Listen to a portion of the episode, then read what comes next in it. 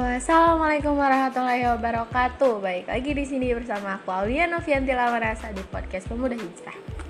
Oke, jadi di episode kali ini kita bakal membahas seorang wanita yang sangat-sangat fenomenal dalam Islam yaitu adalah wanita yang bernama Sumayyah binti Hayat. Siapa sih Sumayyah binti Hayat? Mungkin beberapa dari kalian ada yang tahu, tapi mungkin ada yang masih belum familiar dengan nama itu. Siapa sih Sumayyah binti Hayat? Oke, jadi perkenalan singkat Sumayyah binti Hayat. Dia adalah wanita yang lahir di Makkah pada tahun 550 Masehi. Dia ini sudah sejak muda bekerja menjadi hamba sahaya atau maaf dalam bahasa kasar itu mungkin kita kenal sebagai budak. Nah, dia ini sudah melayani Abu Huzaifah selama bertahun-tahun. Dan dia juga dikenal sebagai orang yang penyabar, baik, dan juga sangat tekun dalam melakukan pekerjaannya. Nah, setelah itu, karena budi pekertinya yang baik, akhirnya Abu Huzaifah menikahkan Sumayyah dengan seorang lelaki yang bernama Yasir. Yasir itu adalah seorang pria dari Yaman. Mungkin kalian bertanya, kenapa Abu Saifah menikahkan Sumayyah dengan Yasir? Jadi, ternyata Yasir itu adalah saudara angkat dari Abu Zaifah sendiri. Jadi, dia menikahkannya dengan Sumayyah.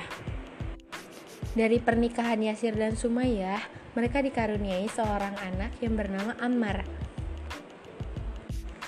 Nah, karena kebahagiaannya setelah memiliki putra, ternyata kebahagiaannya itu nggak sampai situ aja. Kebahagiaan Sumaya bertambah ketika Abu Zaifah memerdekakan dirinya dan anaknya, yaitu Amar dari perbudakan. Lalu setelah wafatnya Abu Huzaifah, keluarga Sumaya hidup di bawah perlindungan Bani Makhzum. Sampai ketika Amar, anak dari Sumayyah sudah menginjak usia dewasa, Sumaya dan Yasir tentu akan semakin tua. Jadi Amar harus mencari pekerjaan. Setelah beberapa lama, akhirnya terdengar kabar dari pusat Mekah bahwa datang seorang pria yang menjadi panutan bagi semua orang. Siapa lagi kalau bukan Nabi besar kita, Nabi Muhammad SAW. Baginda Rasulullah datang dan membawa cahaya iman dan agama yang diridhoi oleh Allah Subhanahu wa taala. Nah, karena kebetulan Ammar bin Yasir berada di Mekah, beliau akhirnya masuk Islam. Terus bagaimana sih kenapa Ammar tiba-tiba sangat ingin masuk Islam? Jadi, Ammar itu merasa penasaran agama apa yang dibawa oleh Rasulullah jadi akhirnya karena rasa penasarannya itu, Amar datang ke rumah Rasulullah yang saat itu tinggal bersama Arkom bil Abil Arkom. Akhirnya setelah mendapat penjelasan dari Rasulullah langsung, Amar merasa tertarik dan akhirnya dia pun masuk Islam.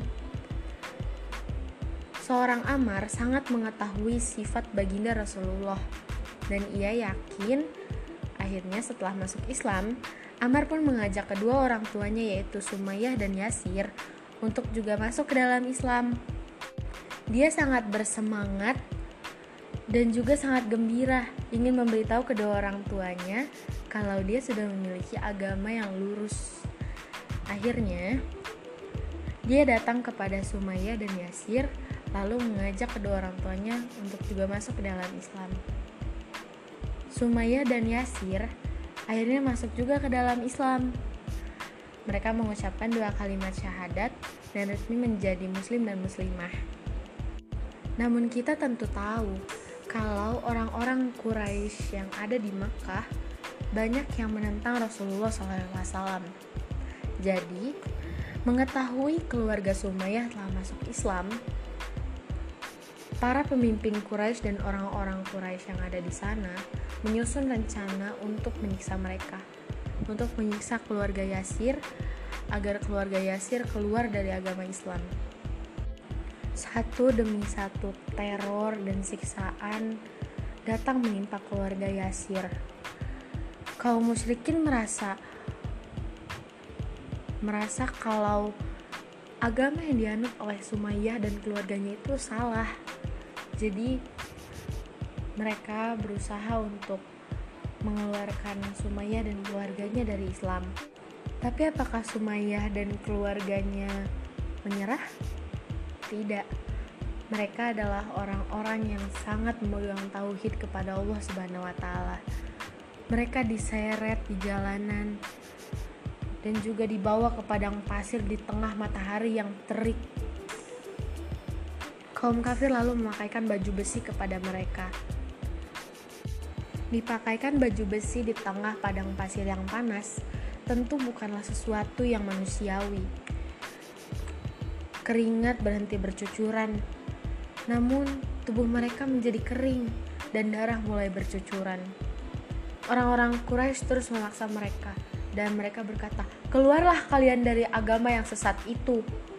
Namun kemudian Sumayyah membalas, "Kalianlah yang harusnya keluar dari agama yang sesat."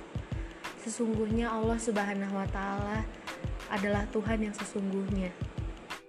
Karena kekeras kepalaan dari Sumayyah, akhirnya Abu Jahal pun turun tangan.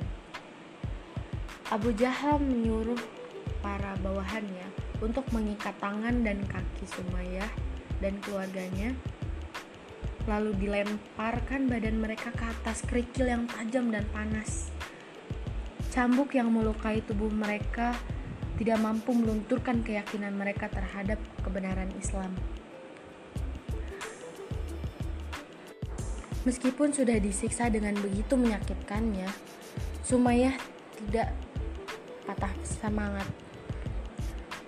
Sumayyah dengan penuh keberanian justru menentang Abu Jahal. Karena Abu Jahal murka. Abu Jahal murka karena dia merasa seorang wanita berani melawan dirinya. Ia lalu membunuh Sumayyah dengan cara yang keji demi menutup rasa gengsinya. Tentu saja Abu Jahal merasa gengsi. Bagaimana mungkin seorang wanita berani melawan dia? Dan di akhir hayatnya, Sumayyah hanya bisa berkata, Ahad, Ahad, Ahad yang sangat bisa diartikan bahwa dia sangat percaya bahwa Allah adalah Tuhan yang satu. Sumayyah binti Hayat akhirnya gugur menjadi syahidah pertama dalam Islam. Dia adalah seorang pahlawan Islam yang meninggal karena membela agama Allah. Bahkan Rasulullah Shallallahu Alaihi Wasallam sendiri secara khusus berdoa untuk keluarga Sumayyah. Sabdanya yaitu, bersabarlah keluarga Yasir, sesungguhnya balasan kalian adalah surga. Jadi, dari cerita ini kita bisa mengambil kesimpulan bahwa membela agama Allah mungkin akan menyakitkan, tapi balasan yang diberikan sungguh tidak lebih indah dari apa pun yang ada di dunia ini. Jadi, selalulah berpegang pada ketahuidan kepada Allah Subhanahu wa taala. Jangan pernah sedikit pun merasa ragu karena sesuatu yang meragukan kita sedikit akan membuat kita lengah membuat kita lupa bahwa Allah Subhanahu wa taala adalah Sang Maha Kuasa yang memiliki seluruh jagat dunia ini. Sumayyah binti Hayat adalah muslimah yang layak dijadikan panutan dan teladan. Dia adalah satu di antara semua sahabat-sahabat Nabi yang bisa dijadikan teladan hidup, terutama untuk kita para wanita dan perempuan. Jadi, mungkin sekian dari saya. Terima kasih sudah mendengarkan podcast ini.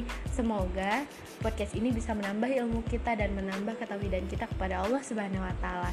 See you on my next one. Assalamualaikum warahmatullahi wabarakatuh.